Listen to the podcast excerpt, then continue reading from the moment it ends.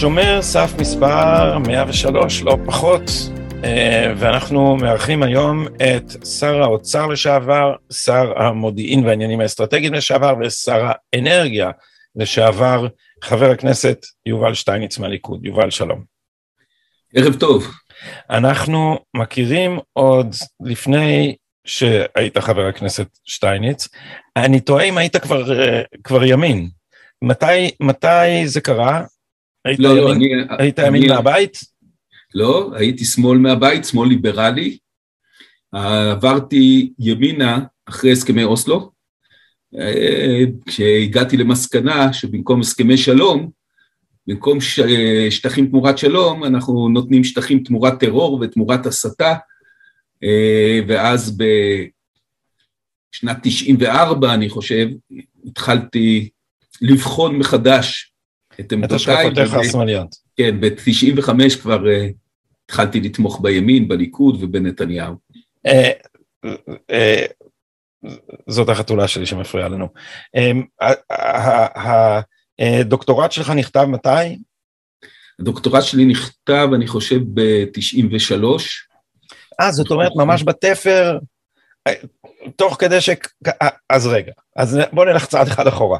כי אנחנו נפגשנו, כפי שניסינו עכשיו לשחזר, זה כנראה היה בתוכניות הילדים של כל ישראל ברשת א', תוכנית שקראו לה, אה, קודם קראו לה אה, חתול בשק, ואחר כך בשם הפתטי בראש צעיר. זה נורא, אתה יודע שכל מיני בעלי קביעות ברשות השידור ניסו להישמע צעירים, אז הם קראו לזה בראש צעיר. אז שזה נכון, זה מנקודת המבט של המבוגרים, ילדים לא אומרים על כן. עצמם שהם בראש צעיר. ו, ואז אה, ראיינתי אותך, הייתי מגיש צעיר שם, וראיינתי אותך, אפרופו הספר, שאפילו בשיחתנו המקדימה זכרתי שהוא כחול, שנקרא הזמנה לפילוסופיה, נכון? נכון, זה ספר, זה ספר שהייתה לי כנראה החוצפה לכתוב מבוא לפילוסופיה ב, ב, במהלך התואר הראשון שלי, לפילוסופיה, הספר יצא אה, באמצע התואר השני, בשנת 87, אה, ולתדהמת הכל, בשבוע הראשון אזלו ארבע מהדורות, אחת אחרי השנייה, הוא הפך לרב מכר היסטרי, בעצם זה ספר הפילוסופיה הנמכר ביותר בתולדות ישראל עד היום, הוא יצא ב-72 מהדורות והדפסות. הרבה אה, יותר מביקורת התבונה הטהורה, זה בטוח. כן, אני יודע כי, אני יודע כי אבא שלי היה, היה, היה אה, מנכ"ל מוסד ביאליק אחרי שהליכוד העיף אותו, כי הוא היה מפאיניק מרשות ה... הוא היה יושב ראש הרשות לניירות ערך, ו... אבל הוא לא הסכים לעבור לסקטור הפרטי, אז הוא אמר אני אקח ג'וב צנוע בסקטור הציבורי, כי באתי לפה, הוא אמר להקים מדינה, לא, לעש, לא לעשות לביתי. ו... ואז אני יודע ממנו שלמה ההצדקה של מוסד ביאליק, שזו הוצאה ציבורית כמסורת השמאל, כי בשביל שיהיה קאנט בעברית צריך הוצאה ציבורית, כי זה אף פעם לא ימכור. אז אתה עברת את קאנט. קודם כל עברתי את קאנט בעברית, אבל אין ספק שמבחינת חשיבות הספר של קאנט, ביקורת התבונה הטהורה, אפילו אדם לא צנוע כמוני מודה שהוא יותר חשוב בתולדות הפילוסופיה בהרבה. תרשה לי, למרות אה, הרצון שלי לגרום לאורחים להרגיש בבית, תרשה לי להסכים איתך על הנקודה הספציפית הזאת. אז אתה כותב דוקטורט בפילוסופיה, אז קודם כל היית סטודנט, אה, איש שמאל, אז הרגשת בבית באוניברסיטה בחוגים לפילוסופיה, הייתה כן, אווירה שבטוח שכולם שם שמאלנים? כן, הרגשתי בבית. אה, בהפגנה בשנת 83, אה, אחרי אה, הטבח בסברה ושתילה.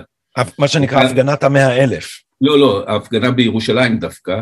השתתפתי, אוקיי. ואז נזרק רימון שהרג את אמיל גרינצוויג, ואני עד היום נושא ברסיסי, ברגליי, שני רסיסים ברגל שמאל שלי, מאותו רימון, הייתי שם לידו. ואז, מה זה, הייתי גיבור באוניברסיטה העברית שהגעתי עם קביים במשך חודשיים לשיעורים עד שיכולתי ללכת אה, בלי קביים. אז היה, זה, אז זה נכון, כמו בסטריאוטיפ, אווירת שמאל מקיר לקיר? אווירת שמאל מקיר לקיר, הגענו לכינוסים של שלום עכשיו, אני זוכר במושבה הגרמנית באיזה מרתף, מחצית מהפרופסורים לפילוסופיה שלמדתי אצלם היו שם, ללא ספק אה, אווירת שמאל, תראה, ברגע שעברתי ימינה, שכבר הייתי אה, מרצה, אה, דוקטור צעיר ומרצה לפילוסופיה באוניברסיטת חיפה, אחרי שקיבלתי מלגת אלון, אה, הרגשתי את ההבדל מיד.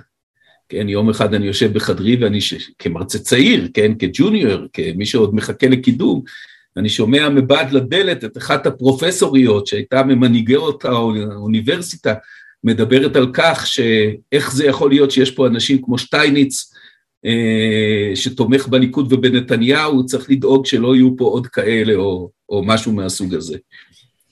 אני, אני גם זוכר את ה... את ה הריק, אני עוד נשארתי בשמאל, אז העריקה אה, אה, הדהימה אותנו, ו, וכרגיל, אני עכשיו, אני עכשיו חווה את זה מעצמי, אבל אתה יודע, מישהו כתב, מישהו, אני לא רוצה להזכיר את שמו, אני גם לא אחלק לו תארים עכשיו, אבל הוא במאמר בארץ כתב, טאו פעם היה אינטלקטואל ועכשיו הוא ימני.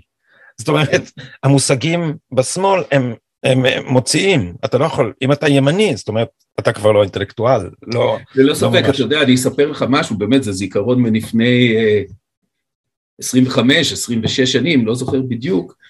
אה, בבחירות ב-2006 כבר תמכתי פומבית בליכוד ונתניהו. למרות שעדיין הייתי מרצה לפילוסופיה באוניברסיטה. ויום אחד אני פוגש אה, סטודנטית שלי בחנות הספרים של אוניברסיטת חיפה, ובאותה שנה נבחרתי גם למרצה המצטיין, אז, אה, או שנה קודם לכן, אני כבר לא זוכר בדיוק, ואז אני רואה אותה עם חולצה של מרץ, זה היה לקראת, אני חושב לקראת הבחירות של 2006, ואז היא אומרת לי, אתה יודע, דוקטור שטייניץ, אני יכולה להגיד לך משהו. כן, בסדר. היא אומרת, זה נורא חבל שאתה מזדהה עם נתניהו והימין, כי הרבה סטודנטים עכשיו החליטו לא לקרוא את הספרים שלך ולא לבוא לקורסים שלך בגלל זה. אמרתי לה, כתשובה, באמת היה מאוד חזק ופוגע, היא לא התכוונה, אבל זה מה שזה היה. סטודנטית שהכרתי מקורסים, היא ישבה אצלי בקורסים של אה, MA, לכן הכרתי אותה כי זה קורסים אה, סמינריונים של MA יותר קטנים. אז אמרתי לה, את יודעת, אני שמח לראות שבמרץ כבר כל כך מתקדמים מבחינה דמוקרטית ומבחינת נאורות, כי פעם במדינה מסוימת באירופה בשנות ה-30 אה, שרפו ספרים של אנשים שלא הסכימו איתם, ואתם רק מחרימים את הספרים שלי, אז יש פה כבר איזשהו סוג של התקדמות והלכתי. אחר כך קיבלתי ממנה מכתב, בין שבעה עמודים מכתב של התנצלות, מאוד מחמיא, שאתה בעינינו הסמל של האדם הנבון, האדם התבוני וכולי, ואנחנו כל כך נהנים מהקורסים שלך ומהוראת הפילוסופיה שלך, ואז בסוף המכתב מופיע הפאנץ'. רק דבר אחד לא ברור לנו, איך אדם אינטליגנטי כמוך, חכם כמוך, יכול לתמוך באוויל משריש כמו בנימין נתניהו. אה, אה, רק לציין, אם מישהו לא הבין, שנתניהו הוא בעיניי אחד האנשים האינטליגנטים ביותר שנתקלתי בהם אי פעם, אבל מבחינת אה, השמאל זה אוויל משריש. זה, תשמע, אז קודם כל, הסטודנטית הזאת זה אני, כמעט. אני כאילו לא, לא הלכתי להגיד את זה למרצים, אבל לא לך, אבל גם אני אמרתי לעצמי אז, כי, כי, כי, כי בעולם של הבועה של השמאל זה, זה באמת ככה נראה. זה נראה איך בן אדם אינטליגנטי לא מבין את זה, איך בן אדם אינטליגנטי לא, כי, כי יש, כי תיבת התעודה היא כמעט לגמרי אטומה, בין השאר, ואני כבר אומר את זה המון זמן, הסיפור האמיתי של התקופה הוא העיתונות, העיתונות מסתירה את המציאות במקום לתאר אותה, היא איבדה את השליחות שלה לשקף כמיטב יכולתה, אין אובייקטיביות מוחלטת וכולי, אני אומר פה, מדבר עם, עם מרצה לפילוסופיה, אז אני לא מיתמם פה והעיתונות לא צריכה להיות אובייקטיביות באופן אה, מושלם. אבל, אבל יש הבדל בין להכיר בזה שאי אפשר להיות אובייקטיבי באופן מושלם, לבין להגיד לעצמך, את העובדות האלה אני לא אספר לציבור כי זה יוביל אותו למסקנה הלא נכונה. אתה ודאי מכיר את הציטוט, אני חזרתי אליו כמה פעמים, אני מקווה שהוא יהיה במאמרי הקרוב בעמודי הדעות. אה, הציטוט המדהים מנחום ברנע, כש, כשבא אליו יגאל כרמון, עם, אה, בשעה שאתה עברת מהימין לשמאל ואולי מהשמאל לימין ואולי מהסיבות האלה בדיוק. יגאל כרמון הגיע אחרי שערפאת הגיע לארץ, הוא לקח uh, קלטות וידאו של הנאומים של ערפאת שקוראים לג'יהאד ב-94, מיד אחרי אוסלו, כשהוא רק הגיע, אחרי הפעימה הראשונה. ו, והוא תרגם עם כתוביות את זה שערפ, שבערבית ערפאת קורא לג'יהאד, ונחום ברנע, זוכה פרס סוקולוב לעיתונות, אמר אה, ליגאל כרמון, אין דבר כזה אמת. כל ידיעה צריכה להישקל לפי השאלה איזה סדר יום היא מקדמת, אני טיפה, זה טיפה פרפרזה, ושלך מקדמת את אויבי השלום. אז, אז זאת אומרת, אנחנו חיינו בתוך בועה שבאמת האינפורמציה שמאפשרת uh, לשקול את זה מחדש לא מגיעה, מפני שהעיתונות, ולדעתי זה קרה באוסלו, באוסלו זה קרה, באוסלו נוצר הצורך להכחיש את המציאות, כי כל יהבה של האינטליגנציה השמאלית של ישראל הושלך הלאה על זה שיהיה שלום. והדבר הזה החל להתמוטט והם לא יכלו לעמוד בזה, אז הם התחילו לשקר. אז איך קרה ועל פי מה אתה עברת פתאום, פתאום התעוררת לראות ש... שעובדים עלינו? גדי, זה היה מאוד פשוט וברור. הטרור. אה, שנה אחרי אוסלו, ואני מאלה שתמכו באוסלו וחגגו אותו, שנה אחרי אוסלו, אתה זוכר, היה עזה ויריחו תחילה, שערפאת נכנס לעזה. זה 94. כן, 94, התחיל להתבהר א', שיש הסתה נוראית, גם מפיו של ערפאת וגם במערכת החינוך, וב', שכל ההגבלות על אה, כמות הנשק הופרו. אה, נדמה לי שהותר להם להכניס 9,000 אה, אה, רובים אוטומטיים לצורך כוחות השיטור העצמיים שלהם, ושנה אחר כך הסתבר שיש 20 או 24 אלף, משהו כזה, וכשערפאת נשאל על זה, הוא אמר, הבטחנו, אבל זה לא אומר שנקיים. זה התחיל לעורר אצלי סימני שאלה כבדים מאוד לגבי השלום ואשליית השלום ולגבי השאלה להיכן אנחנו הולכים מכאן. אה, וכן, והבנתי שמה שאני וחבריי חלמנו עליו כתהליך שלום הופך לתהליך אה, אה, טרור והסתה, ושבמקום שלום אנחנו עוד עלולים לקבל פה מלחמה בסוף.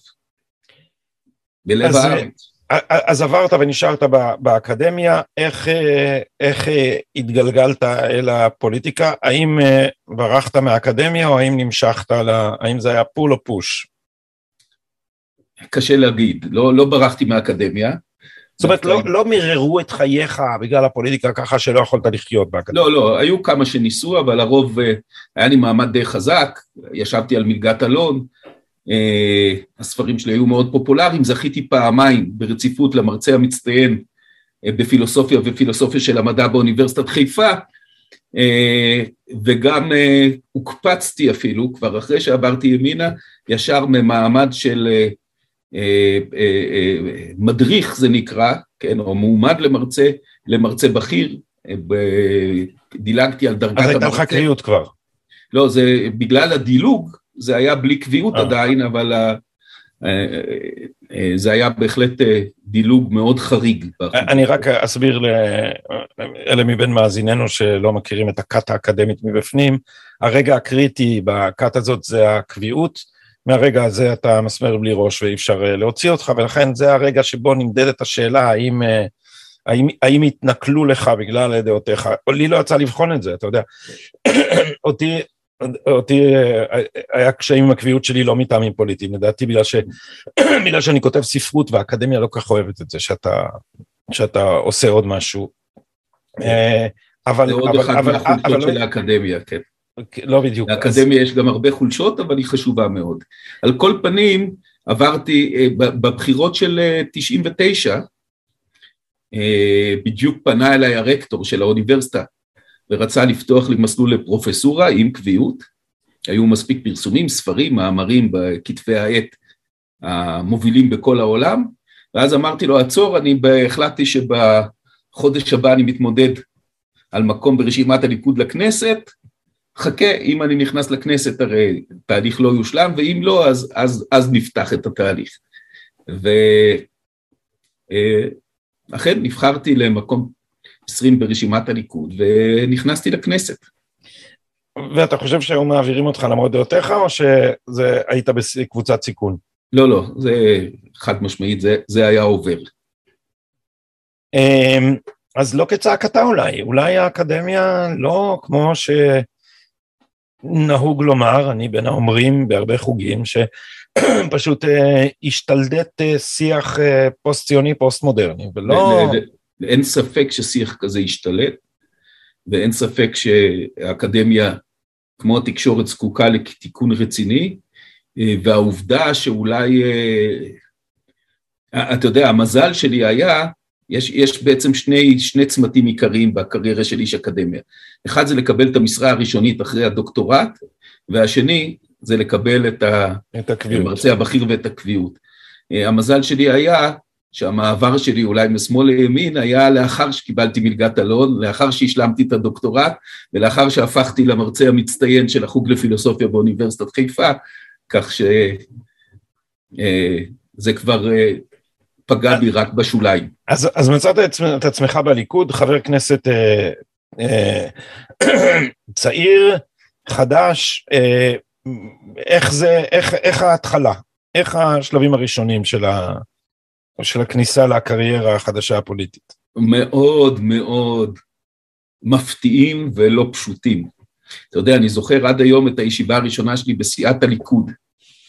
הגעתי, רובי ריבלין היה אז יו"ר הסיעה, שרון בדיוק החליף את נתניהו כיו"ר התנועה, מועמדנו לראשות הממשלה ב-99, שהליכוד הפסיד בבחירות ונתניהו אה, לקח חופשה של כמה שנים, ואני יושב בישיבת סיעת הליכוד עם כל המפורסמים שאני מכיר מהטלוויזיה, שרון ורובי ריבלין יושבים בקצה השולחן הענק, ומסביב יושבים אנשים כמו אה, סילבן שלום ולימור לבנת ומאיר שטרית ומשה ארנס וישראל כץ וצחי הנגבי שהם איתנו עוד היום ואחרים, ומיקי איתן, ואני מגיע ורואה את כל האנשים האלה, אתה יודע, ואני אומר לעצמי, טוב, אני צנוע, אני לא, הנה באתי מהאקדמיה, פילוסוף, עוד מעט תהיה לי הזדמנות להוכיח אה, את חוכמתי ברבים, ואז אה, יש איזה דיון, ורובי ריבלין רושם אותי בסוף, אה, בסוף תור הדוברים, אני שומע את כולם, ולתדהמתי, קודם כל אני רואה שהם מדברים חלק קטן מהזמן על הטקטיקה שלנו מול הממשלה השמאלנית של ברק, של אהוד ברק, שהקים בדיוק ממשלה עם מרץ בשנת 99, אבל החלק העיקרי של הזמן הוקדש לשאלה איך נחלק בינינו את המקומות בוועדות ואת החדרים בכנסת. כן, שאלה אסטרטגית חשובה וידועה. ואז סוף סוף מגיע תורי לדבר, ואיך שאני מתחיל לדבר, המזכירה מכניסה לרובי ריבלין פתקה צהובה גדולה, והוא מסתכל עליה ומראה לשרון, ושניהם ככה עם הראש לתוך הפתקה, ברור שהם אה, לא מקשיבים לי. הפסקתי לדבר. אז רובי, שיש לו גם חוש הומור, עושה לי ככה עם היד, תנועה מעגלית, אומר, תמשיך דוקטור שטייניץ, תמשיך, אל תפריע לעצמך. אז אני אומר לו, סליחה, אבל אני רוצה שגם אתה ושרון תקשיבו. אז הוא אומר לי, מה? שמעתי נכון? מה אמרת? אמרתי, אמרתי שאני מבקש שתקשיבו. אז רועי אבלין אומר לי, למה זה חשוב לך שנקשיב? אמרתי, בשביל מה מדברים אם לא מקשיבים? ואז רובי אמר לי, אה, דוקטור שטייניץ, איזה מנהגים מגונים אתה רוצה להביא לכאן מהאוניברסיטה? מי שמע בסיעת הליכוד על קשר בין הקשבה לדיבור? מה, אתה רוצה להרוס אותנו? זה היה השיעור הראשון שלי בפוליטיקה, כן?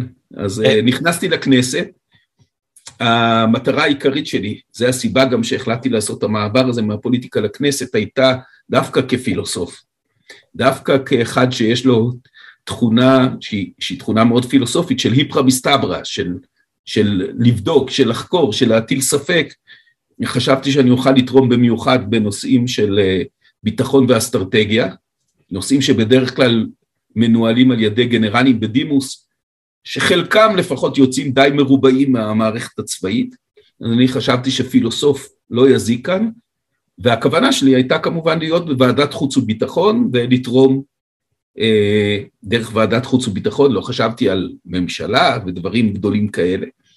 ולקח לי שנה וחצי עד שהתפנה לי איזשהו מקום בוועדת חוץ וביטחון, בקדנציה הבאה כבר הפכתי ליושב ראש הוועדה. ועכשיו הוועדה הזאת, אה, מי, מי מהליכוד אה, נמצא בוועדה? היום? עכשיו? כן. אף אחד. אף אחד. אנחנו לא בוועדות.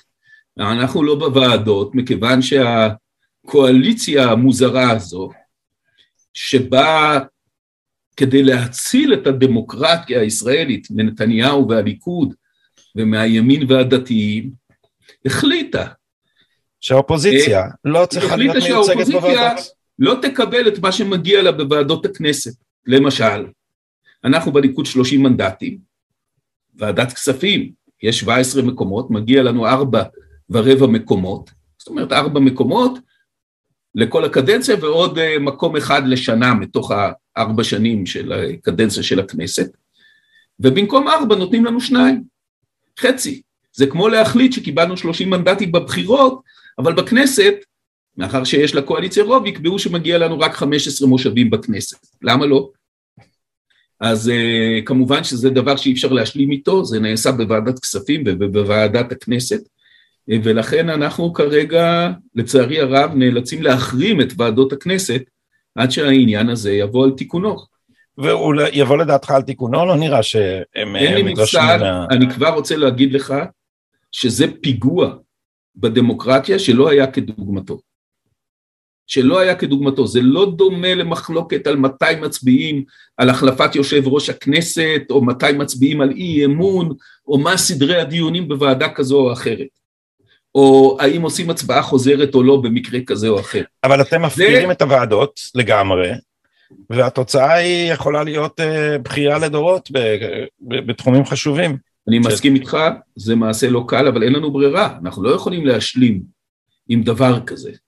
Uh, אני רוצה לומר לך, קודם כל, זה נון גדול מאוד לתקשורת, שמצקצקת בלשונה, ולפעמים יש חלק מהכתבים שאומרים כן זה באמת לא בסדר, כן עם זה אני מסכימה עם הליכוד או מסכים עם הליכוד, אבל uh, הם בסופו של דבר נותנים לדבר הזה לעבור בלי מהומה גדולה מדי. בתקשורת זה כל כך מרגיז, זה כל כך צבוע, אתה יודע, אותם אלה שבאו ואמרו שהם באים לתקן את הדמוקרטיה ולהציל אותה, עושים עכשיו כמה פיגועים אבל הפיגוע החמור ביותר בעיניי מהפיגועים של ממשלת בנט-לפיד הוא הפיגוע הזה של לשלול מהאופוזיציה את המקומות שמגיעים לה בוועדות הכנסת. זה עוד לא קרה במדינת ישראל. אבל גם התקשורת היא לא מה שהייתה, ואני לא מופתע שהיא לא אה, עושה מזה רעש. התקשורת היא אה, אקטיביסטית, איך כתב רביב דרוקר? אה, נכון מר נתניהו, נכון אדוני ראש הממשלה, זה היה לפני שנים אחדות, רוב התקשורת הייתה שמחה לראות אותך עושה טקס צנוע ונפרד מתפקידך, רוב התקשורת עובדת בזה.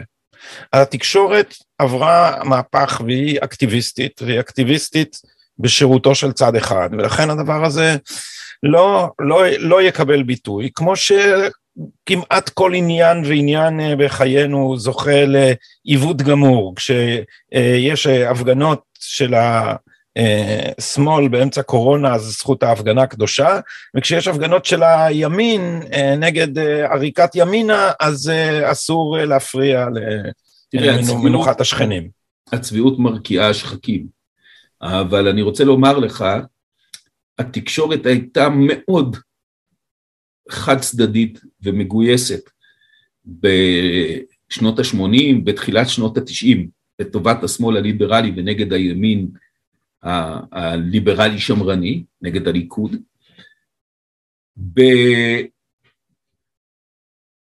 ב-20 שנים האחרונות נוצר הרושם, או ב-15 שנים האחרונות, שהתקשורת קצת, קצת יותר הגונה, קצת יותר מאוזנת, קצת פחות חד צדדית, לא שהיא לא חד צדדית, אבל קצת פחות, בשנתיים האחרונות היא חזרה לסורה, והמגמתיות והחד צדדיות והצביעות בתקשורת אה, חזרה למה שהכרנו אה, באמצע שנות התשעים, אני חולק עליך בקשר לזמנים. במיוחד לאחר רצח רבין, שאז בכלל התקשורת הרשתה לעצמה להשתולל כנגד נתניהו והליכוד ב- לקראת סוף שנות ה-90. אני, אני אחלוק עליך רק בזמנים, אני חושב שמ-95, אה, הקדנציה הרביעית של נתניהו, זה היה הרגע שבו הם התייאשו מלנצח בקלפי, והחליטו לנקוט בשיטות אחרות, וזה גם העיתונות הפכה עוינת וגם חקירות נתניהו נעשו uh,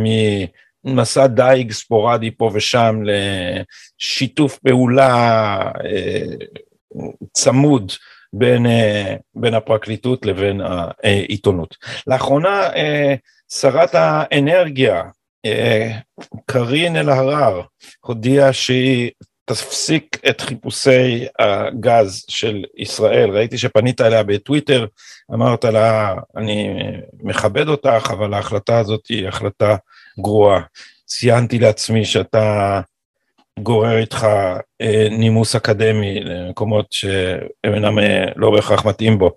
בוא תסביר לנו מה, קודם כל, מה, איזה, אני לא הצלחתי להבין מה ההיגיון שלה, מה, למה זה יקדם את מחקר האנרגיה הירוקה אם נפסיק לחפש גז, זה כאילו, הם יפנו את המשאבים של הגז ל, ל, לדודי שמש, מה, מה עומד לקרות? קודם כל אתה צודק לחלוטין, uh, זו באמת החלטה אומללה, ואני באמת מכבד ואפילו מחבב את השרה שהחליפה אותי, אבל זה לא קשור לביקורת. Uh, ראשית אין קשר, זה שחברות, הרי חברות פרטיות מחפשות גז בים, זה שחברות ימשיכו לחפש גז אה, בלב הים, זה הרי לא מתנגש עם זה שיוצבו עוד פאנלים סולאריים של אנרגיית, לטובת אנרגיית השמש בנגב או בירושלים, אין שום אה, התנגשות. אה, ולכן אה, הטענה שנעשה פוס לשנה אחת בחיפושי גז בים כדי לקדם את האנרגיות המתחדשות ביבשה היא טענה חסרת יסוד. אבל אה, זה לא רק... אה, אז מה הסיבה? מה, מה, מה המניע האמיתי לדעתך מאחורי זה? רגע, שנייה, לפני זה אני רוצה להדגיש. זה לא רק טענת חסרת יסוד, אלא היא גם ההצהרה הזאת היא מזיקה. ראשית צריך להדגיש, קח את ארצות הברית הירוקה של הנשיא ביידן, שבאמת מנהיג את המהפכה הירוקה ואת המאבק בהתחממות הגלובלית בכל העולם. מאבק דרך אגב שאני לא מזלזל בו. בארצות הברית של ביידן מחפשים כעת גז טבעי במאות אזורים ביבשה ובים. לרגע איש לא חשב להפסיק את זה. בנורבגיה, שנחשבת למדינה הירוקה ביותר באירופה ויש לה עודפי גז עצומים משלה, מחפשים כרגע עוד שדות גז. למה מחפשים עוד גז בארצות הברית ובאירופה? דרך אגב, בארצות הברית ונורבגיה לשתיהן יש עודף עצום, מאגרי גז עצומים, הרבה יותר מכל מה שהן צריכות לכל עתיד נראה לעין. כי בארצות הברית אומרים נמצא עוד גז, נייצא את עודפי הגז לסין ולהודו וליפן, וזה יחליף שם, הרי מה הגז מחליף? הוא מחליף פחם, פחם וסולר, פחם ונפט, הוא לא מחליף אנרגיה מתחדשת. אז אה, טוב, אנחנו בארצות הברית נרוויח יותר, ישרפו בסין פחות פחם ויהיה פחות זיהום בעולם ופחות גזי חממה. והנורבגים אומרים לעצמם, יש לנו עודפי גז עצומים, ואנחנו לא צריכים עוד גז, אבל נמכור את הגז שנגלה לגרמניה ולפולין, כדי שהם יוכלו להחליף את הפחם בגז טבעי, ולהוריד את זיהום האוויר ואת פליטת גזי החממה. אז אני לא מבין למה מה שטוב לארצות הברית ולקנדה ולנורבגיה ולבריטניה ולאיטליה ולספרד, בכל המדינות הללו, הירוקות הללו ממשיכים לחפש גז טבעי, לא טוב למדינת ישראל. אז בוא אני אציע לך... עוד גז, זה כן. יחזק את הביטחון האנרגטי שלנו, כי יהיו לנו עוד אסדות גז, שאם אחת מהן תיפגע בשעת מלחמה, יהיה לנו אספקת גז בטוחה יותר. זה יאפשר לנו להגדיל את, להגדיל את התחרות, להמשיך לפרק את המונופול, במקום תחרות בין שלושה מאגרי גז, תהיה תחרות בין ארבעה או חמישה, זה יוריד עוד יותר את מחירי הגז בישראל, שהם כבר, דרך אגב, הכי נמוכים בעולם כיום. בצורה משמעותית. נייצא עודפי גז למצרים וירדן, הם יורידו עוד יותר את שרפת הפחם והנפט בתחנות הכוח שלהם, נייצא דרך מצרים או דרך צינור גז, חלק מהגז הזה לאירופה, הכל טוב, מה רע? אז אני אציע לך ניחוש. הגז זה אה, דגל וסמל מאז המחאה של אה, שוד הגז. עדיין, אני ראיתי עכשיו בטוויטר של אה, אורלי בר-לב, שהיא כותבת שהיא אקטיביסטית והיא נגד שוד הגז. אז זה נהיה קוז סלב, זה נהיה בשבילם דגל, ויחד עם זה, זה מתחבר לסביבתנים הגרין פיסים שלא אוהבים את האסדה, שלא חשוב שגז זה דבר שאנרגיה נקייה ולא לא מזהמת ביחס לאנרגיות אחרות, היא נחשבת לאנרגיה הרעה המדללת את המשאבים של כדור הארץ, זה הכל, זה שברי מטאפורות ואגדות, ועכשיו יושבת שרה, שעומדים בצד אחד האינטרסים של מדינת ישראל, אה, והכלכלה של מדינת ישראל, ובצד שני עומדת הפוזה של האקטיביזם הסביבתי במובנו נמוך המצח והמטופש ביותר, והיא בוחרת באקטיביזם שמחמיא, לה, אה, אני לא רוצה להיסחף בעוד שמות על רמת האינטליגנציה הנהוגה אצל, אה, אצל הדיקטטור הקטן מיש עתיד. כי זה, זה, זה דיבור שהוא, הדיבור שהוא הבונטון של ה... של, ה, של השכבות החברתיות גדי, האלה. קודם כל יש הרבה צדק בדבריך, אבל תן לי לעשות סדר. אוקיי? ונימוס, כן. כן, תן לי לעשות סדר. בבקשה. ראשית, יש באמת טענה שהגז הטבעי הוא גם דלק, מה שנקרא דלק פוסילי, וזה נכון, הוא דלק מאובנים. וכששורפים גז טבעי בתחנות כוח, עדיין נפלט, אה, נפלטים גזי חממה. אבל אני אתן לך עכשיו את הנתונים האמיתיים. בזכות הגז הטבעי, בזכות מתווה הגז שאפשר את הפיתוח של לוויתן ועכשיו כריש תנין, הצלחתי להחליף כבר את רוב הפחם בישראל בגז טבעי וליצור תהליך שעד שנת 2025 לא נשרוף יותר פחם בתחנות כוח ולא נפט, סולר או מזוט, רק גז טבעי וקצת אנרגיות מתחדשות. בזכות זה קודם כל שים לב טוב לנתונים. הורדתי בשש שנותיי כשר האנרגיה בין 2015 ל-2020 קרוב ל-80 אחוז מזיהום האוויר ממשק האנרגיה במדינת ישראל. מזיהום, כלומר אני, אתה, החברים שלנו, הילדים שלי, נושמים היום אוויר יותר בריא, יותר נקי, פחות מזוהם, בזכות מה? בזכות הגז הטבעי שאפשר לנו להחליף את הפחם והסולר שפולטים כמויות אדירות של זיהום אוויר. לגבי גזי חממה, שזה נושא אחר לחלוטין, זה לא זיהום אוויר, יש זיהום אוויר ויש גזי חממה שזה גזים קלים מאוד שעולים לגובה עצום, אנחנו לא נושמים אותם, אבל אז הם יוצרים את אפקט החממה.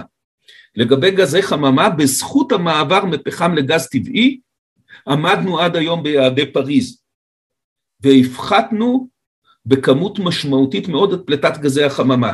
כשאתה עובר מפחם לגז טבעי אתה לא מוריד 100% מגזי החממה, בזיהום אוויר אתה מוריד קרוב ל-100 אחוז. אבל תרשה לי לומר לך, יובל, אבל שזה... אתה מוריד 50 אחוז מגזי החממה, שזה גם הרבה. אבל. אבל מדינת ישראל הפצפונת אה, משפיעה על אה, גזי החממה העולמיים אה, במידה כל כך זעירה. בערך פרומיל או שניים. כן. ביחס למקומות שההסכמים האלה לא חלים עליהם, כמו, כמו סין. ו, ונדמה לי, ב, ב, אני לא זוכר את האחוזים אה, מכמות הפחם שסין צורכת בעולם, אבל, אבל סין היא נדמה לי המזהמת הראשית. אה, אז האם שווה לנו בכלל, אז, אז קודם כל הגז טוב לזה, אבל שנית, האם זה בכלל שיקול שכשעומדים דברים אה, רציניים על הכף כמו אה, עתידה של הכלכלה הישראלית, אז אנחנו עושים משהו שהוא בעצם סימבולי, אתה, אנחנו מורידים 80 אחוז מפרומיל. גדי, אה, דווקא את הטיעון הזה אני לא מקבל. אני אגיד לך למה. ראשית, אה, אתה יכול להגיד את אותו דבר על כל מדינה או על כל חלקי מדינה.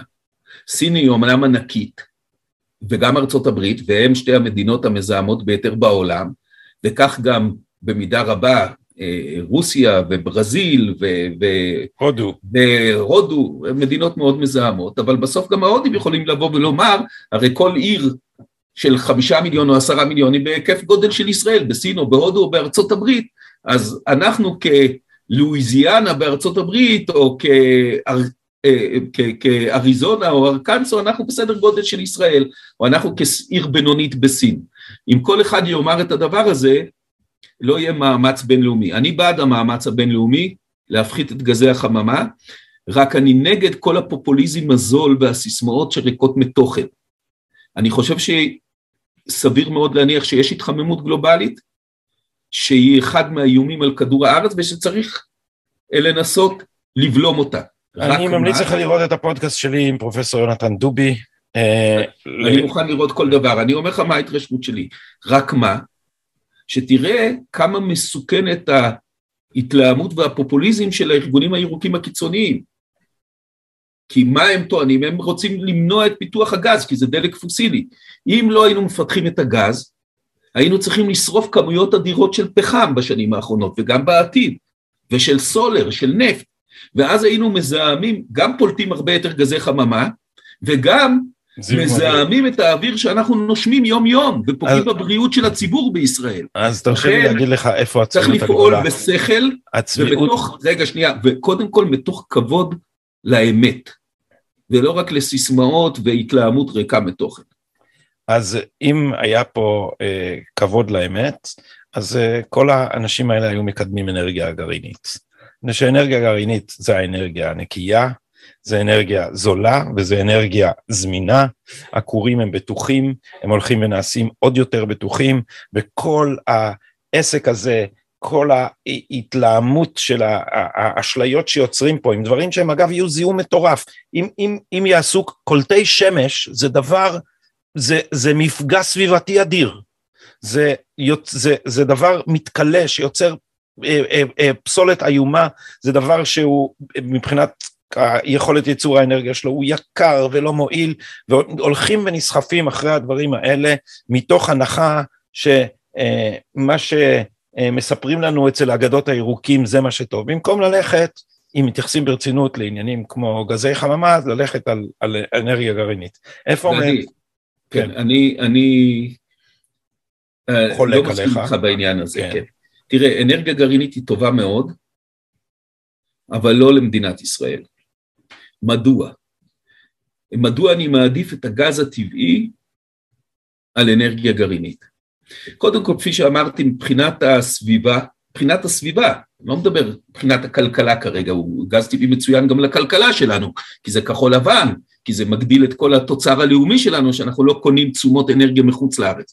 אנחנו גם מייצאים אותו ומרוויחים כסף, יש לזה גם ערך גיאופוליטי לציר הזה עם ירדן, עם מצרים, פורום הגז הבינלאומי שהקמתי בקהיר עם המצרים, זה דבר חסר תקדים מבחינה בינלאומית. העובדה שאירופה מחזרת אחרינו בגלל הגז שמצאנו. אבל אה, כורים גרעיניים לצורך הפקת חשמל הם כורים אדירים. אה, אתה עושה אותם גדולים מאוד כי אתה רוצה כמויות עצומות של חשמל, זה לא הכור הקטן המחקרי שיש לנו בדימונה או הכור הקטנטן בנחל שורק. אם אתה לוקח את. יש היום כורים עוד הרבה הרבה יותר קטנים. נכון, אבל אז אתה צריך המון, אלפים. אבל כורים גרעיניים רציניים שיוכלו לגבות או לתת תפוקה אמיתית, אה, חלק אמיתי, לייצר חלק אמיתי מהחשמל שלנו, זה מפלצות. זה אה, מתקנים אדירים. מה הבעיה עם זה? יש עם זה שתי בעיות. ראשית, זה מייצר פסולת רדיואקטיבית, שהרדיואקטיביות שלה נשמרת אלפי שנים, ובמדינה קטנה כמו שלנו, אה, לקבור את הפסולת הזאת ולהגן עליה זה לא פשוט. שנית, בשעת מלחמה, אלה מטרות לטילים ורקטות של האויב, מאוד קשה להגן עליהם כי אתה צריך אה, כמה כורים והכורים האלה מאוד גדולים ואתה גם לא יכול להפסיק את פעילותם ליתר ביטחון, גם לא בשעת מלחמה, כי אחרת אם על זה תסתמך במערכת החשמל שלך, אתה לא יכול לוותר על החשמל בשעת אה, עימות או מל, אה, מלחמתי. לכן במדינה קטנה כמו שלנו ומאוימת כמו שלנו, אה, הגז הטבעי הוא הפתרון הנכון יותר גם מבחינת הביטחון האנרגטי, גם מבחינת הפחתת זיהום האוויר וזיהום הסביבה, לפחות ל-20 ה-30 אה, השנים הבאות. כן, זה לא היה טיעון נגד הגז, זה היה טיעון לגבי הצביעות הכללית של, ה... כן, אז אני רוצה של העמדה הסביבתנית לא רק בישראל אלא בעולם. אני רוצה לומר לך, גרין פיס, הזכרת את גרין פיס. בספר שלי, הקרב על הגז, דרך אגב, אולי אני אומר מאמר מוסגר, פרסמתי לפני שנה וחצי, אני אשמח גם להראות אותו בהסכמתך. בבקשה. את הספר הזה שנקרא הקרב על הגז. עשיתי מעשה די חריג, פרסמתי ספר, כתבתי ספר ופרסמתי אותו על תפקידי כשר האנרגיה בעודי מכהן כשר האנרגיה. הספר יצא לפני שנה וחצי. בספר הזה אני מתאר את כל המאבק נגד מתווה הגז. את כל הניסיון של אנשים או להשאיר את הגז בים, או לחילופין להלאים את שדות הגז ולהקים חברות ממשלתיות כמו חברת חשמל חדשה או חברת, אה, כן, שיעסקו בפיתוח הגז במקום שיעשו את זה חברות של השוק הפרטי מכל העולם. ואני מתאר את האבסורדיות אה, שבמאבק הזה, שהיה מאבק מאוד מאוד קיצוני ואלים מבחינת ההתבטאויות. ואני מראה איך, אה, כמה הגז חיוני לכלכלה שלנו, לביטחון שלנו, וכמה קשה הייתי צריך אה, אה, להיאבק כדי לסלול את הדרך לפיתוחו של לוויתן, לפיתוחו של כריש תנין, כמה שקרים הוטחו, אם אתה זוכר, רק לפני חמש שנים, ארבע שנים, שוד הגז, המונופול של תשובה לא יפורק, לוויתן לא יפותח, אין סיכוי שמצרים וירדן יקנו מאיתנו גז טבעי, בעקבות מתווה הגז המחיר ירקיע לשמיים ונהיה יותר יקרים בכל העולם. שום דבר מכל זה לא קרה, המונופול התפרט, תשובה מחזיק רק בשדה אחד, לא בשלושה, יש תחרות בין שלושה שדות גז, זאת אומרת המונופול שהיה התפרק, המחיר ירד מאזור החמש וחצי דולר ליחידה לארבע דולר, אנחנו היום במחירי הגז הזולים ביותר בעולם, S&P, סוכנות הדירוג הבינלאומית, רק לפני חודש, בהודעה רשמית קבעה שהשימוש הנרחב בגז טבעי בישראל והמחיר הזול שלו מגן על מדינת ישראל בפני, בפני האינפלציה שמשתוללת באירופה וארצות הברית, מקטין את האינפלציה במדינת ישראל. אה, אנחנו, מצרים וירדן כן קונות מאיתנו גז בעשרות מיליארדי דולרים כבר, הרווחנו עד היום בערך 20 מיליארד שקל הכנסות מדינה מהגז וזה יגיע בעתיד למאות מיליארדים, זה לוקח קצת זמן, והעיקר, הפחתנו את זיהום האוויר עד היום בקרוב ל-80 אחוז באמצעות מהפכת הגז, המת... הגז הטבעי. כל זה לא היה קורה ללא מתווה הגז.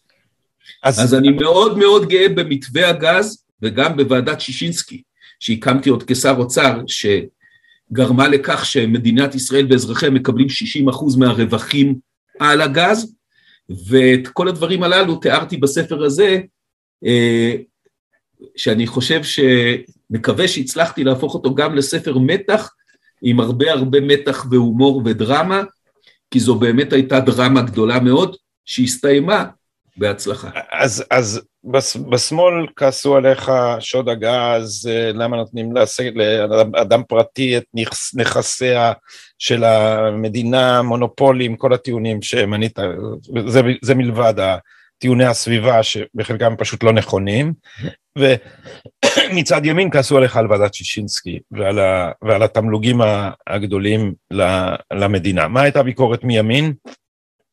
הביקורת מימין, הביקורת מימין באמת הייתה שכשר אה, אוצר אני לא צריך לשנות את משטר המיסים על הגז אחרי שהתגלו שדות גז גדולים. זה קרה ב-2010 שהקמתי את ועדת שישינסקי, אחרי שהתגלו שני שדות גז גדולים, תמר ולוויתן, שהם מהגדולים בעולם, ואחר כך התגלה גם כריש תנין שנה לאחר מכן, ובדקתי ומצאתי לתדהמתי שאנחנו קיבלנו את החלק הכי קטן בעולם, אנחנו קיבלנו בערך דה פקטו 20 אחוז מההכנסות מהגז והנפט אם היו מוצאים, בשעה שהממוצע העולמי עמד על 50 אחוז.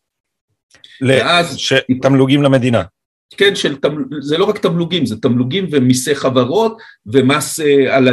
יש, בגז הטבעי יש שלושה ארבעה מיסים שונים וכל פעם מזכירים רק אחד מהם ואומרים אה זה רק כמה מאות מיליונים פה, רק כמה מיליארדים פה, אבל ביחד זה סכום גדול שהולך גם לגדול מאוד בשנים הקרובות. אה, והחלטתי לשנות את זה. ואז הייתה טענה שזה מיסוי רטרואקטיבי. למה? כי קודם גילו את שדות הגז ועכשיו אני פתאום מעלה את המס מ-20% ל-60%. אה, זה הגיע לכך שזומנתי אפילו לשיחת נזיפה בבית הלבן של אובמה, על ידי לארי סאמרס שקודם היה שר האוצר האמריקאי ואחר כך אה, היועץ הכלכלי הראשי של אובמה, ראש המועצה הכלכלית, אה, וממש בשלב מסוים איימו עליי, כי הייתה חברה אמריקאית, נובל אנרג'י שהייתה מעורבת בשדות הגז שלנו, וטוב שכך, ואיימו עליי שיפגעו בהסכמי השכר עם ישראל, שיבחנו אותם מחדש.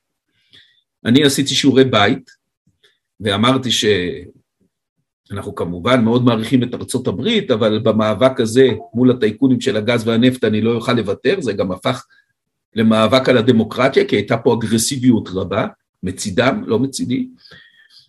ואז הצגתי להם מה שקרה באלסקה וקליפורניה ואריזונה, ונבדה, סליחה, שגם שם קודם גילו שדות גז משמעותיים או שדות נפט, וכמה שנים לאחר מכן העלו את המיסים והתמלוגים, והם uh, צחקו, כן, אמרתי להם, איך תסבירו שאתם לא מרשים לישראל לעשות מה שעשו אצלכם במגרש האחורי? הם uh, התחילו לחייך, ושבועיים אחר כך התקשר אליי לארי סאמרס ואמר לי, דיברתי עם הנשיא אובמה והחלט, הראיתי לו מה אמרת על מה שקרה אצלנו באלסקה וקליפורניה והחלטנו שאנחנו לא נתערב בענייניה של ישראל, אה, תעשו מה שנראה לכם לנכון ובהצלחה למדינת ישראל היקרה שלנו. לארי סאמרס הוא גם יהודי חם. אה, פושר. אז אה, גם את האפיזודה הזאת, יש פרק שנקרא הזובור בבית הלבן, אני מתאר בספר הזה. אז פעם כעסו עליי קצת מימין, כי לא הבינו עד הסוף שלא מדובר במיסוי רטרואקטיבי, כי אני ממסה רק את הרווחים מכאן והלאה, לא את הרווחים לא, אבל, אבל, אבל התכוונו גם לגובה המס באופן אובייקטיבי, לא רק לרטרואקטיביות. אז נכון? אני חושב שפעלתי נכון, ועובדה שבניגוד לטענות שהטיחו בי אז, זה לא מנע את הפיתוח של לוויתן, ואת הקנייה והפיתוח של כריש תנין. כנראה שהמיסוי היה סביר, בדקתי את זה טוב טוב, עשר פעמים, בשביל זה הקמתי גם ועדה מקצועית שבחנה את כל העניין לפני שהחלטתי על זה, כמו שבדקתי טוב טוב, למרות שבמקרה הזה פעלתי גם במהירות רבה אה, לפני שגיבשתי את מתווה הגז, וכמו שפעלתי אה, וחשבתי ובדקתי מראש לפני שהחלטתי את ההחלטה הדרמטית על אה, סגירת התחנה הפחמית בחדרה ואחר כך על סגירת התחנה הפחמית באשקלון והפסקת השימוש בפחם מזהם במדינת ישראל, החלפתו בגז טבעי. יובל, לפני שאנחנו מסיימים, בוא נדבר קצת על, אה, על, על הזירה הפוליטית הפנימית, אה, על אה, השאלה ש, שמפנים כלפי הקואליציה הזאת בניסיון להחליש את הליכוד לדעתי, ואומרים למה במצב הנוכחי עם החרם הגנרלי של ה... של הימנים הפורשים כנגד נתניהו, למה אתם לא מציבים מישהו אחר בראשות הליכוד? האם לדעתך יש סיכוי שיהיה בליכוד גוש מספיק גדול בשביל אה, לחבור לתיאוריה, אה, לדעתי, מוליכת השולל הזאת? תראה, זה, זה לא רק מוליך שולל, זה, זה אבסורדי להכעיס. אתה יודע, עוד מאשימים אותנו בליכוד, שהליכוד הוא דיקטטורה, כי אנחנו לא קמים נגד נתניהו, כן? אתה יודע, ומי מאשים אותנו? אנשי יש עתיד. ראית פעם מישהו ביש עתיד שמותח ביקורת על לפיד? הנה, עכשיו שהוא הציע להתמודד, אף אחד לא העז להתמודד נגדו, אז אין התמודדות. היחידי שבנימוס רב הצהיר שהוא שוקל להתמודד על רשות המפלגה יש עתיד היה עופר אה, אה, עופר אה, שלח שאנחנו יודעים עופר שלח שתוך כמה שבועות מצא את עצמו מחוץ למפלגה ומחוץ למערכת הפוליטית. כן, אלה לא מפלגות פעם, בכלל, לא, כן, לא יש עתיד. ראית פעם שמישהו אצל ליברמן מבקר את איווט ליברמן, או מישהו אצל גנץ מותח ביקורת פומבית על גנץ? אבל, אבל הטענה, אבל הטענה פה רק היא... רק הליכוד, היא, כן. הטענה היא כאילו פרגמטית.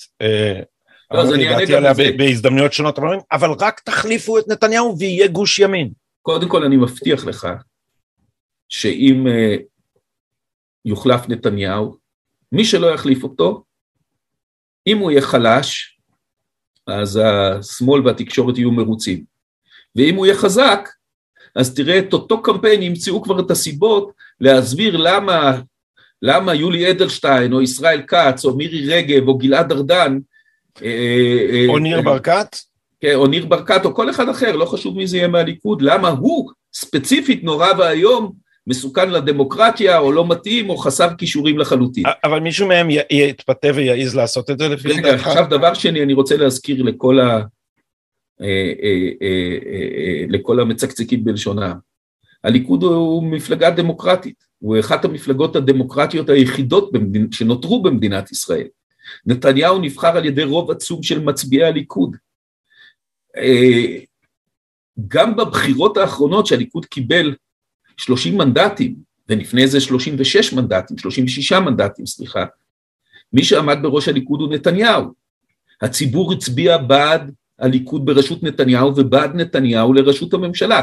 עכשיו לבוא ולומר, אוקיי, הציבור הצביע נתניהו, במקום זה נשים את מירי רגב. בשביל לרצות או, את השמאל. או, או, או, או את דודי אמסלם, או את ישראל כץ, או, או כל אחד אחר אה, בראשות הליכוד, זה אבסורד.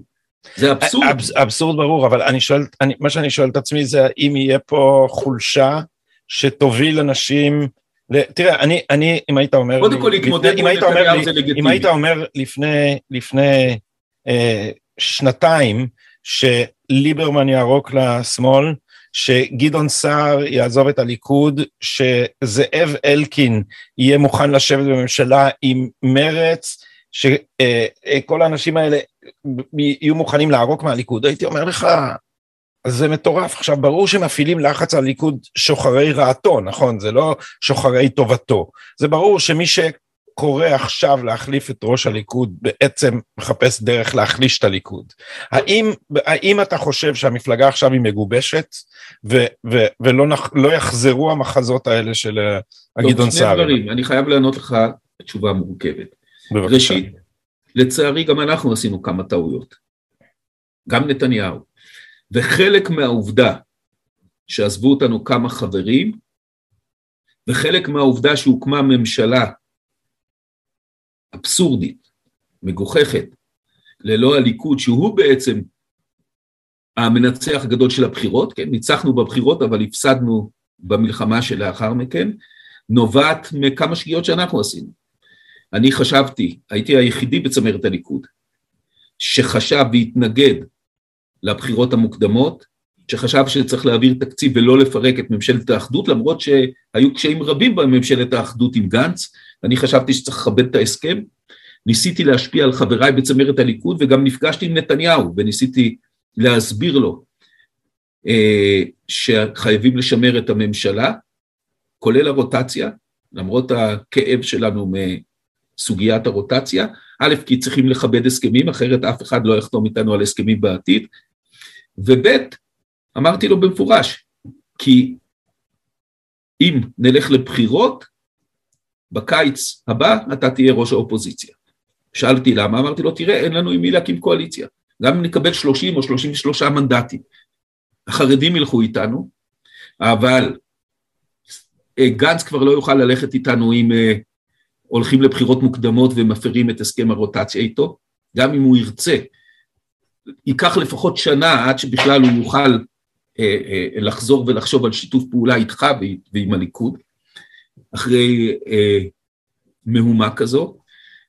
בנט, אה, שקצת לעגת לו, שהיה שר הביטחון, וגם השארנו אותו מחוץ לממשלה שלנו בשלב מסוים, למרות שהחתמנו אותו על חלק מגוש הימין, אם תהיה לו הזדמנות אחרת אולי הוא יעדיף אותה, אה, כי אה, לא היה לו כיף להיות אה, שר ביטחון אצלנו, ליברמן אומנם התחיל את הקרע, אבל נתניהו כבר משך את החבל וקרא אותו עד הסוף, וכך הלאה והלאה.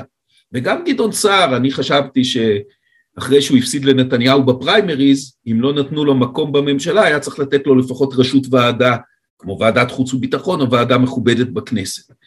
לכן, קודם כל, אה, עשינו כמה שגיאות בעניין הזה, ואני חושב שאם עמדתי הייתה מתקבלת, היו נמנעות הבחירות הנוספות, ועד היום הייתה ממשלה של הליכוד, או ממשלה בדומיננטיות של הליכוד, גם אם הרוטציה הייתה מתבצעת, נתניהו היה בעל מעמד דומיננטי בממשלה, כאחראי על כל מדיניות החוץ של מדינת ישראל וכאיש החזק בממשלה, גם שגנץ היה ראש הממשלה, אם הרוטציה הייתה מתבצעת, הליכוד היה הגוף הדומיננטי בממשלה, ולא היינו היום באופוזיציה. אז זה קודם כל. דבר שני, לגבי השאלה שלך לגבי היום, תראה, לגיטימי להתמודד מול נתניהו בתוך הליכוד. גדעון סער עשה את זה והפסיד, אחרים עשו את זה ובדרך כלל הפסידו. אה, נתניהו עצמו התמודד מול שרון שהיה ראש ממשלה והפסיד לשרון ב-2003, זה לגיטימי. אנחנו באמת מפלגה שאפילו מעודדת את הדברים הללו, זה האופי שלנו. אם אתה שואל אבל להערכתי, כל עוד נתניהו מעוניין להמשיך כיו"ר הליכוד ויו"ר האופוזיציה ולהתמודד שוב על ראשות הממשלה. אני לא רואה מישהו שיגבור עליו שינצח אותו בפריימריז,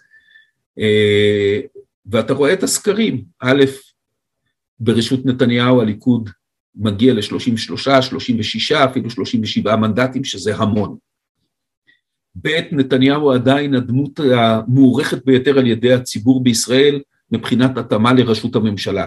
כלומר, כששואלים את הציבור מי מתאים ביותר להיות ראש ממשלה, למרות שנתניהו עכשיו כבר חצי שנה מחוץ ללשכת ראש הממשלה, יו"ר האופוזיציה, עדיין הציבור רואה בו את הדמות המתאימה ביותר לראשות הממשלה.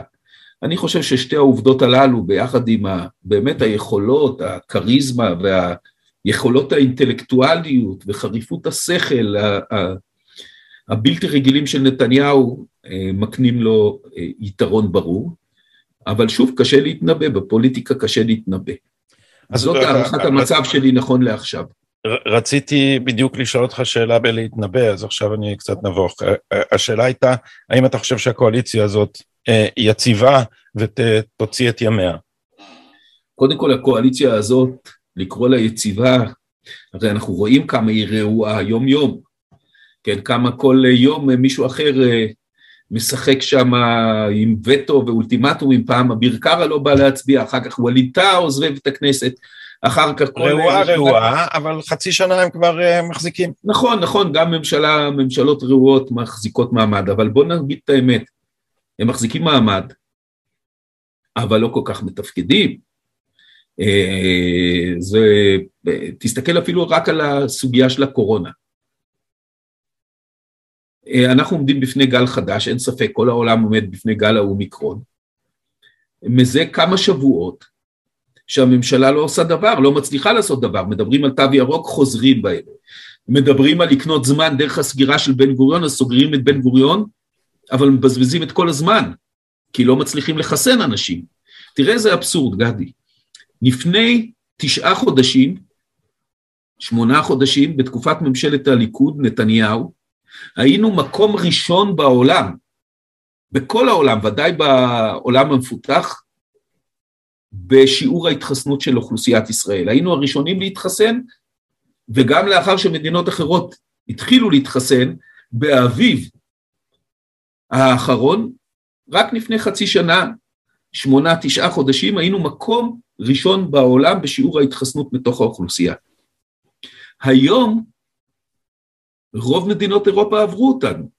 שיעור המתחסנים בספרד, בבריטניה, בגרמניה, באוסטריה, באיטליה, בשוויץ, בשוודיה, גבוה בהרבה מאשר מדינת ישראל. זאת אומרת, יש לך פה ממשלה שלא הצליחה להמשיך ולקדם את החיסונים, ואנחנו יודעים היום שהחיסונים זו התרופה או המענה הטוב ביותר, החשוב ביותר, המרכזי ביותר, כנגד גלי הקורונה. יש עוד דברים חשובים. אבל בראש כל הצעדים נמצאים החיסונים, והנה אנחנו רואים ממשלה שבגלל חוסר מנהיגות, בגלל פחד להכיל אולי חובת חיסונים, בגלל uh, חשש ממתנגדי החיסונים ומהאלימות המילולית והפראות שלהם, לא מצליחה, אולי בגלל חוסר מנהיגות, בכל מקרה הממשלה הזאת נכשלה לחלוטין מבחינת החיסונים, אה, וזה כמובן, על זה נשלם מחיר יקר במהלך השבועות הקרובים. אז אני לא מתאפק ועוד שאלה אחת, כי עומד לעלות על שולחן הכנסת חוק האזרחות שוב. אה, ובסיבוב הראשון הוא אה, נפל, בין השאר כי בהתחלה של הקדנציה של הממשלה הזאת האופוזיציה הצביעה באופן שיטתי אה, נגד ההחלטות של הקואליציה במטרה להפיל אותה, אבל אה, אה, אני השתכנעתי שזאת הייתה טעות בדיעבד, ואת חוק האזרחות צריך להעביר, שהוא בכל זאת מציב מחסומים חשובים להתאזרחות, לשיבה זוחלת, והתאזרחות של, של פלסטינים בישראל באמצעות איחוד משפחות, או, או, או איחוד משפחות באמת, או איחוד משפחות כתירוץ, או דרכים אחר, אחרות. אה, יותר צרות שבהם בכל זאת מצליחים אה, לקבל מעמד בתוך מדינת ישראל. איך אתה תצביע ב, על חוק האזרחות, כפי שהוא של שרת הפנים איילת שקד עכשיו? קודם כל אני יכול להגיד לך מה הייתה עמדתי בפעם הקודמת. הייתי בין הבודדים בסיעה, ביחד עם אבי דיכטר, אולי עם עוד חבר או שניים, שחשבו שלמרות שאנחנו אופוזיציה, צריך להצביע בעד חוק האזרחות ולא נגדו.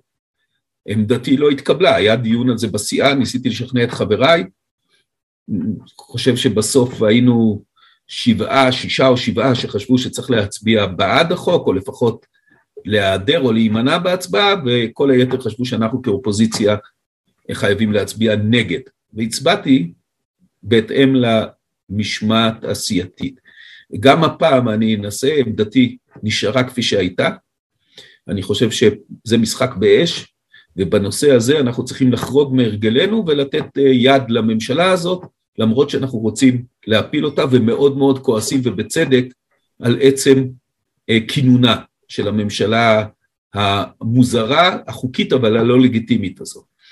אה, אתה יודע מה, יכול להיות שאפילו מבחינה אופוזיציונית זה יותר טוב, כי זה ייצור יותר מתחים ובקיעים בעתיד בתוך הממשלה, העובדה שהממשלה תיעזר בנו באופוזיציה הראשית כדי להעביר את החוק הזה כנגד העמדות אה, של השמאל הקיצוני, של, של, של רע"מ, של אה, חד"ש, של, של, של הרשימה הערבית שהיא מהרבה בחינות חלק או תומכת בממשלה הזו, בקואליציה הזו, ואפילו של חלק מחברי מרץ והעבודה. אז אני מאוד מקווה שישמעו בעצתך זו, לפחות שיעדרו מהמליאה כדי, שה, כדי שהחוק הזה אה, לא ייכשל. אה, דוקטור יובל שטייניץ, אני מאוד מודה לך על השיחה הזאת, וכפי שאני אומר לאורחיי, כי, כי דלתי אה, פתוחה, אני אשמח אם אנחנו נקיים בעוד תקופה שיחה אה, נוספת. תודה רבה לך על זמנך. תודה לך על ההזדמנות.